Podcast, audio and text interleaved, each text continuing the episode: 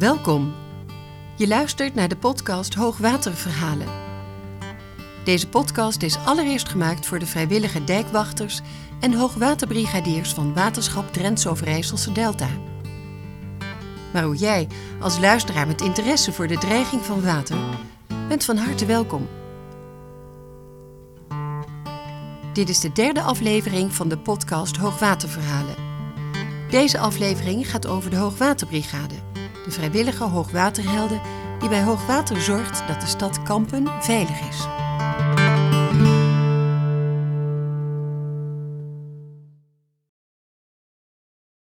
Mijn naam is Henk van Dijk. Ik ben dijkwacht bij het waterschap Drents Overijsselse Delta. Ik doe dat inmiddels een jaar of zeven. Ik woon in Zwolle.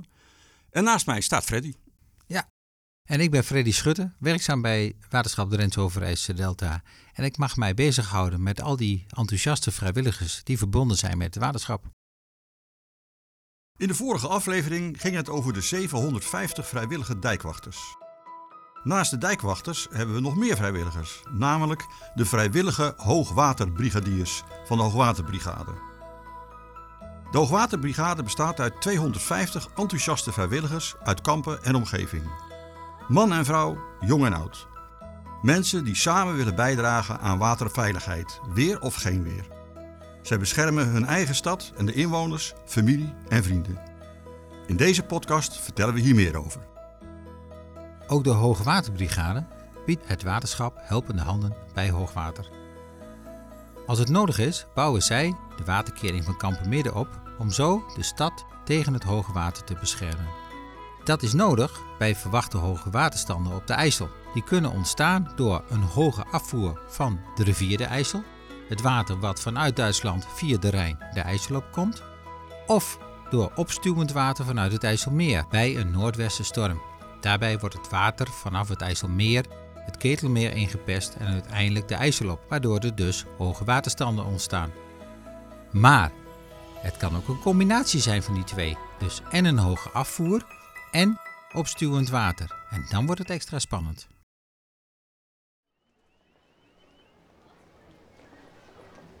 Freddy, ja, we staan hier aan de binnenstad van Kampen. Uh, we hebben net uh, de prachtige brug vanaf IJsselmuiden overgestoken. Uh, prachtig plaatje, dat, dat front aan de IJssel. maar we gaan het dus hebben over Kampen Midden. Wat is dat? Leg eens uit. Ja, Kampen Midden, eigenlijk zegt het al, het is de stad Kampen, daar betreft het in ieder geval. En midden geeft aan dat het het stadsfront van Kampen betreft. En dat stadsfront van Kampen, dat is een prachtig stadsfront, een historisch stadsfront ook nog. Mhm. En je komt er inderdaad met de brug met de gouden wielen, zeggen wij altijd, de stadsbrug, kom je overheen. En als je dan links en rechts van die stadsbrug kijkt, dan zie je dat prachtige stadsfront. Met ook statige huizen en schepen aan de kade. En dat stadsfront, dat is ongeveer twee kilometer lang. Over een lengte van anderhalve kilometer is de oude stadsmuur nog aanwezig. Die zie je niet, want die zit achter de eerste rij huizen.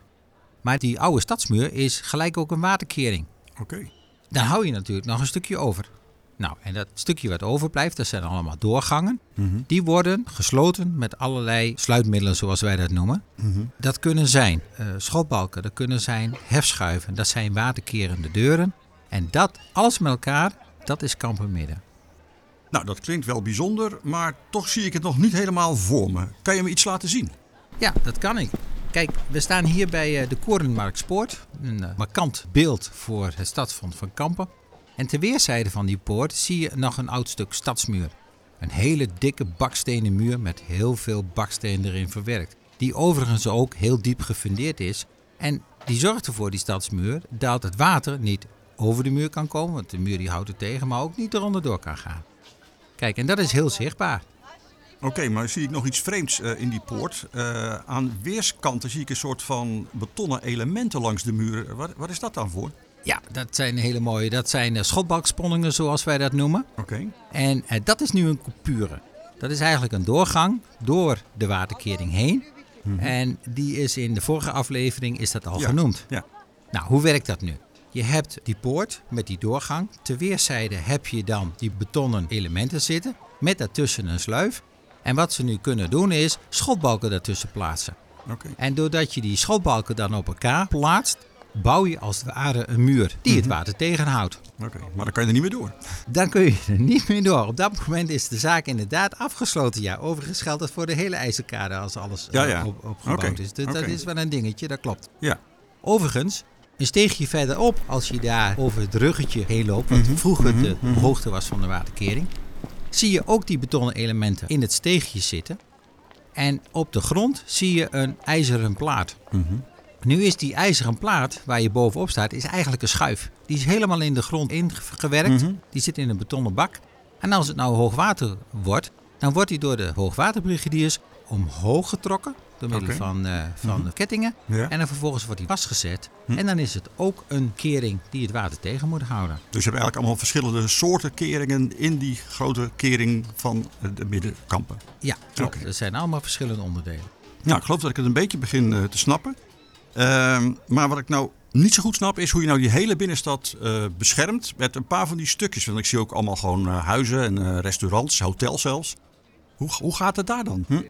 Ja, nou, wat je ziet aan het stadsfront, dat is eigenlijk zijn de woningen die zijn in de waterkering of er misschien een klein beetje buiten gebouwd zijn. Die hebben een bepaalde veiligheid, maar als het echt hoogwater wordt, dan gaan die onder water, hoe vervelend dat ook. Oké. Ehm, al die andere onderdelen, eh, dat zijn de 84, dat zijn 84 sluipmiddelen.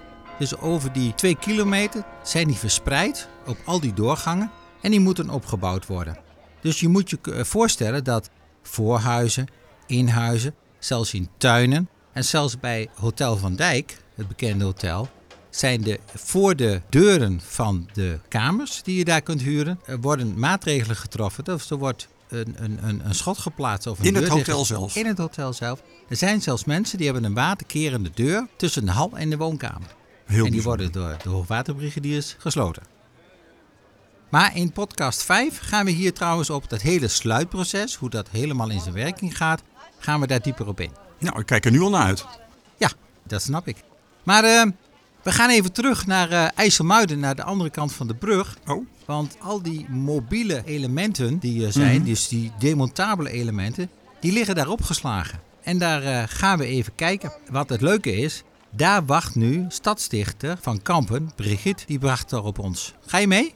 oké, ik ga met je mee. Ik snap overigens nog niet zo goed wat we daar eh, een dichter voor gaan ontmoeten. Maar dat eh, ontdek ik wel. Ja, ja, dat leuk. Dat snap ik dat je dat niet snapt. Maar goed, kom, laat je verrassen. Oké.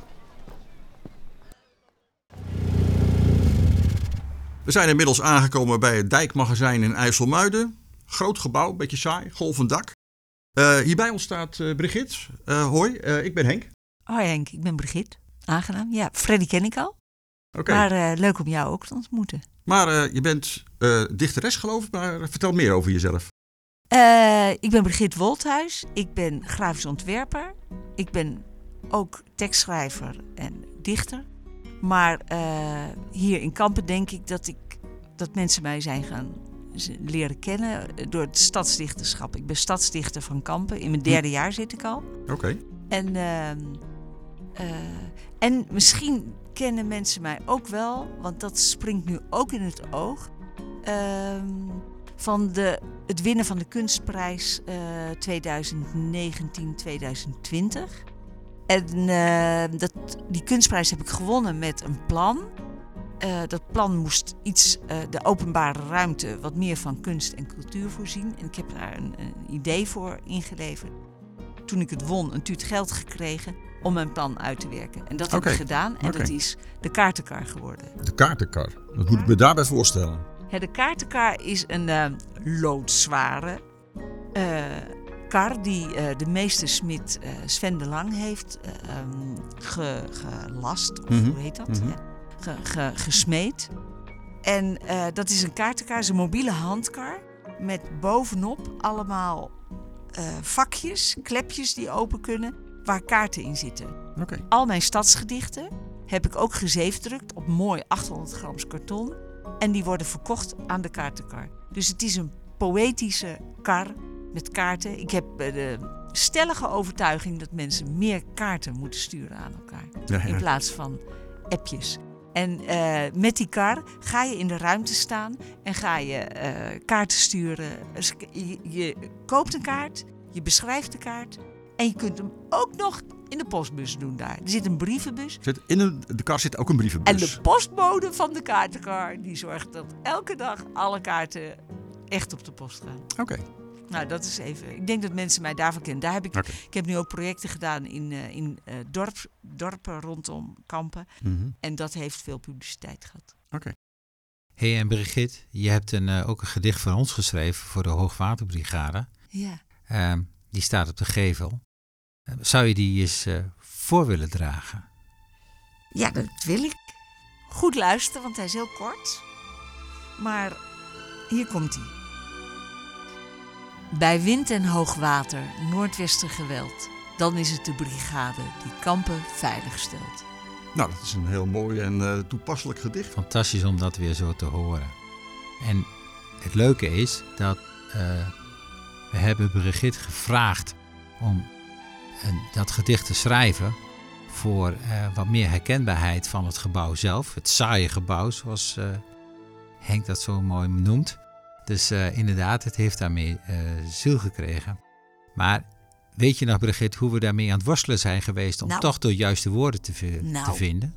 Dat was wel een eh, ei wat we moesten leggen, hè? Ja, en we waren nog een beetje kritisch. Ja, maar dat is goed, hè? Want we gingen allebei, alle drie, want Aline was er ook eh, bij betrokken. Alle drie gingen we gewoon voor het mooiste, zodat het veel mensen aan zou spreken.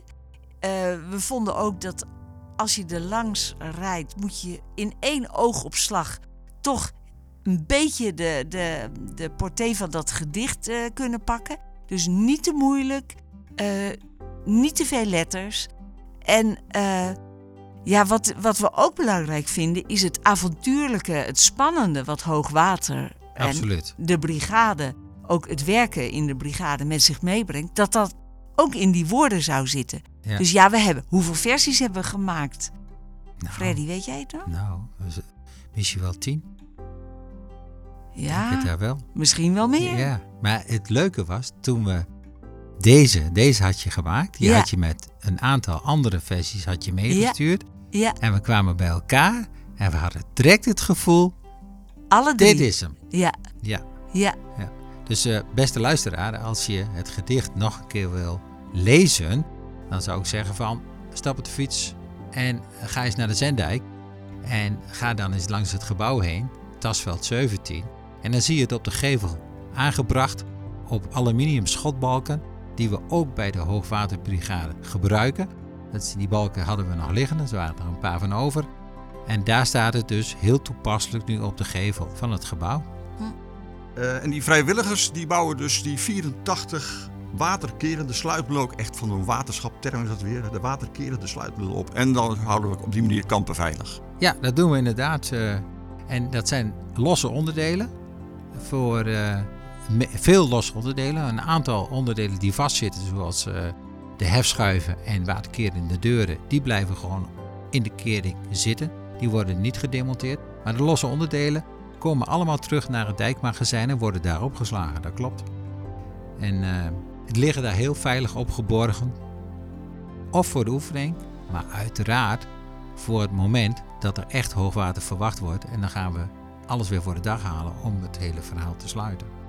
Ja, en die hoogwaterbrigade heeft daarin dus een hele belangrijke taak in het sluiten. En die moeten dan ook goed voorbereid worden. En we oefenen elk jaar.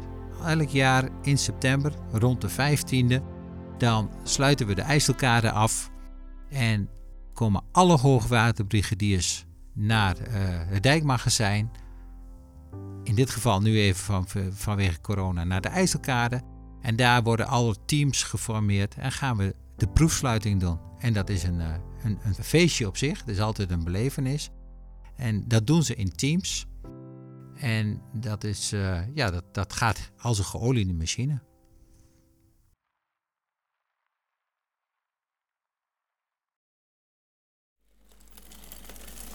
Hé, hey, daar fietst Dillis. Dat is ook toevallig. Dillis is iemand van de Hoogwaterbrigade. En, eh hey Dillis, kom eens als je wilt. Hey, hoi, Freddy. Hoi, en wie ben jij? Eh, ik ben Henk. Eh, leuk dat je bent. Jij bent eh, hoogwaterbrigadier. Eh, vertel eens, wat doe je dan eigenlijk? Zal ik mezelf eerst ook even voorstellen? Prima. Ja? Ik uh, ben Dille Sterkse en ik ben uh, organisatieadviseur en interim manager in de zorg en welzijn. En uh, ik ben in 2003 in Kampen komen wonen. En toen kwam ik naast Marije van der Hoorn te wonen. En Marije die, en ik zagen een hele grote advertentie.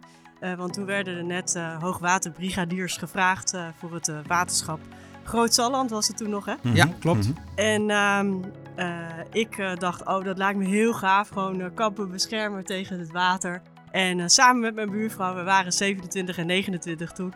En uh, ik dacht, nou, dat uh, zullen vast heel veel mannen zijn ook die daar uh, rondlopen. Dat was ook zo, denk ik. Dat was ook zo. We waren een van de weinige vrouwen, toch? Of niet, Freddy? ja, ik denk het wel, ja. En um, op dat moment was mensen zelfs nog aan het roeren als hoogwater... hoe heet dat? Hoe? Hij was coördinator, coördinator, van de hele hoogwaterbrigade, dat klopt, ja. Precies. En hij zei toen tegen ons van, nou, het is leuk dat jullie er zijn als vrouwen... maar jullie krijgen van mij een lichttaakje... Want uh, dat uh, noemen wij dan de waterkerende deuren in die uh, hotels en huizen en zo. En dat mogen jullie doen. Nou, we hebben dat één oefening gedaan. En toen zei ik tegen mensen van, nou, sorry mensen, maar ik wil wel even wat stoers doen. Want daarom kom ik hier bij de Hoogwaterbrigade, toch? Het echte werk. Het echte werk. Ja. Dus toen hebben Marije en ik, mochten wij naar Team 6. En wij zijn schotbalkplaatsers geworden bij Landsman en Teunen. En rondom het Oorgat, hè, heet het? Ja, klopt. Hm. En uh, ik ben nu uh, teamleider daarvan ook trouwens. Maar, uh, en elk jaar plaatsen wij met heel veel plezier dan doen we mee aan de oefening. Maar er is ook een keer echt geweest, toch Freddy? Ja, in 2018 en 2012. Maar de laatste keer was in 2018 op 3 januari. Ja. Toen was er met oudjaarsavond was er al een storm. Ja. Dat was Nieuwjaarsdag. En er kwam een tweede achteraan, dat was op 3 januari. En toen hebben we inderdaad het deel gesloten. Ja. Dat klopt, ja. En dat was echt super spannend. Wij krijgen als hoogwaterbrigade hier altijd een telefoontje. En zo'n automatische stem. U moet nu binnen een uur naar het tasveld komen. En het tasveld in IJsselmuiden. Mm -hmm. En uh, ik dacht, oh help, oké, okay, uh, echt dus hè. Want uh, het was geen september, dus het was geen oefening. Nou, ook op de fiets, maar het stormde zo hard dat, dat het echt gevaarlijk was om op de fiets te zitten. En wij krijgen natuurlijk onze helmen pas als wij op het tasveld zijn. Dus ik overal tussendoor, alle bomen die vielen om, weet ik veel wat dan wel. En wij naar IJsselmuiden fietsen. En toen werden wij naar de IJsselkade gebracht hè, om dan werkelijk daar het, te, sluiten. te, sluiten. Maar dat was super spannend, omdat ook allemaal andere teams waren, andere plekken hè, waar je dan moest zijn en zo. Dus je bent helemaal niet op dezelfde plek waar je altijd oefent natuurlijk. Maar uh, echt super gaaf om te doen. Want dan denk je echt van, nou, daar doe ik het voor, toch? Ja. Dat is ja. echt, uh, echt top. Hé, hey, maar uh, wat ook zo leuk is aan die oefeningen van elk jaar, is die gehaktbal, Freddy. Wil je daar wat ja. over zeggen? Ja, want veel hoogwaterbrigadiers doen het daar ook voor. Trouwens ook veel dijkwachters, heb ik wel gehoord. Voor die, voor die gehaktbal het, het is een mooie traditie, inderdaad. Ja. ja, dat is echt een symbool geworden. Nou ja, het kwam in de vorige aflevering ook al voorbij, dat klopt. En het is eigenlijk wel een heel mooi verhaal. Want je noemde de naam al even Mensen Celles. Mensen Celles die is uh, eigenlijk een grondlegger van de, van de dijkwacht. Zeker toen de tijd nog bij IJsseldelta, dan de hele tijd terug. En daar is hij mee begonnen en dat heeft hij in Waterschap Groot-Zalland heeft hij dat uitgebreid. En we breiden dat nu ook weer uit met Race de Wiede erbij, nu met uh, WDO Delta.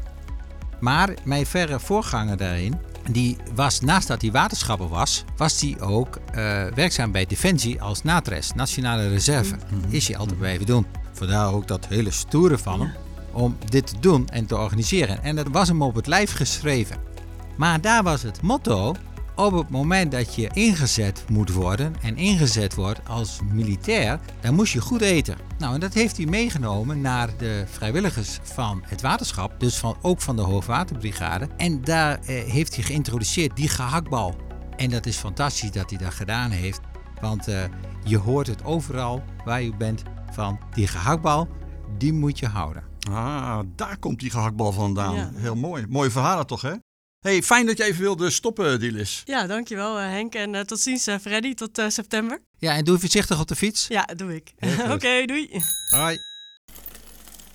In 2003 is die mobiele waterkering van Kampenmidden opgeleverd. Als sluitstuk van het grote masterplan Grote Rivieren... naar aanleiding van de hoogwateren 93-1995.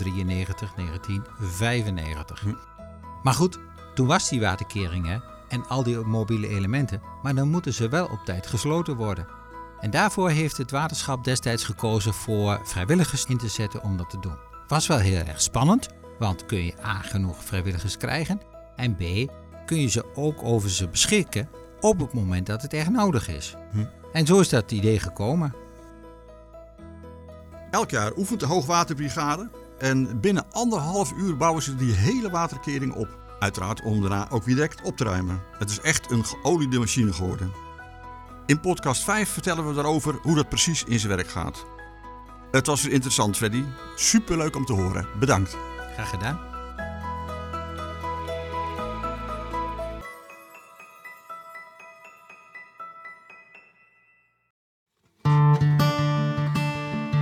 Je luisterde naar de derde aflevering uit de serie Hoogwaterverhalen. We weten nu meer over de hoogwaterhelden van Kampen, het gedicht dat voor hen is gemaakt en waar de onmisbare gehaktbal vandaan komt. Bedankt voor het luisteren. De volgende aflevering gaat over de dijk. Niet die band die geweldige liedjes maakt, maar die robuuste waterkering met de groene grasmat die grote lijnen door het landschap trekt. Wat moet je weten over die dijk als je vrijwilliger dijkwachter bent? Vast meer dan je denkt. Wil je meer weten? Kijk dan op onze website wdodelta.nl/hoogwaterverhalen.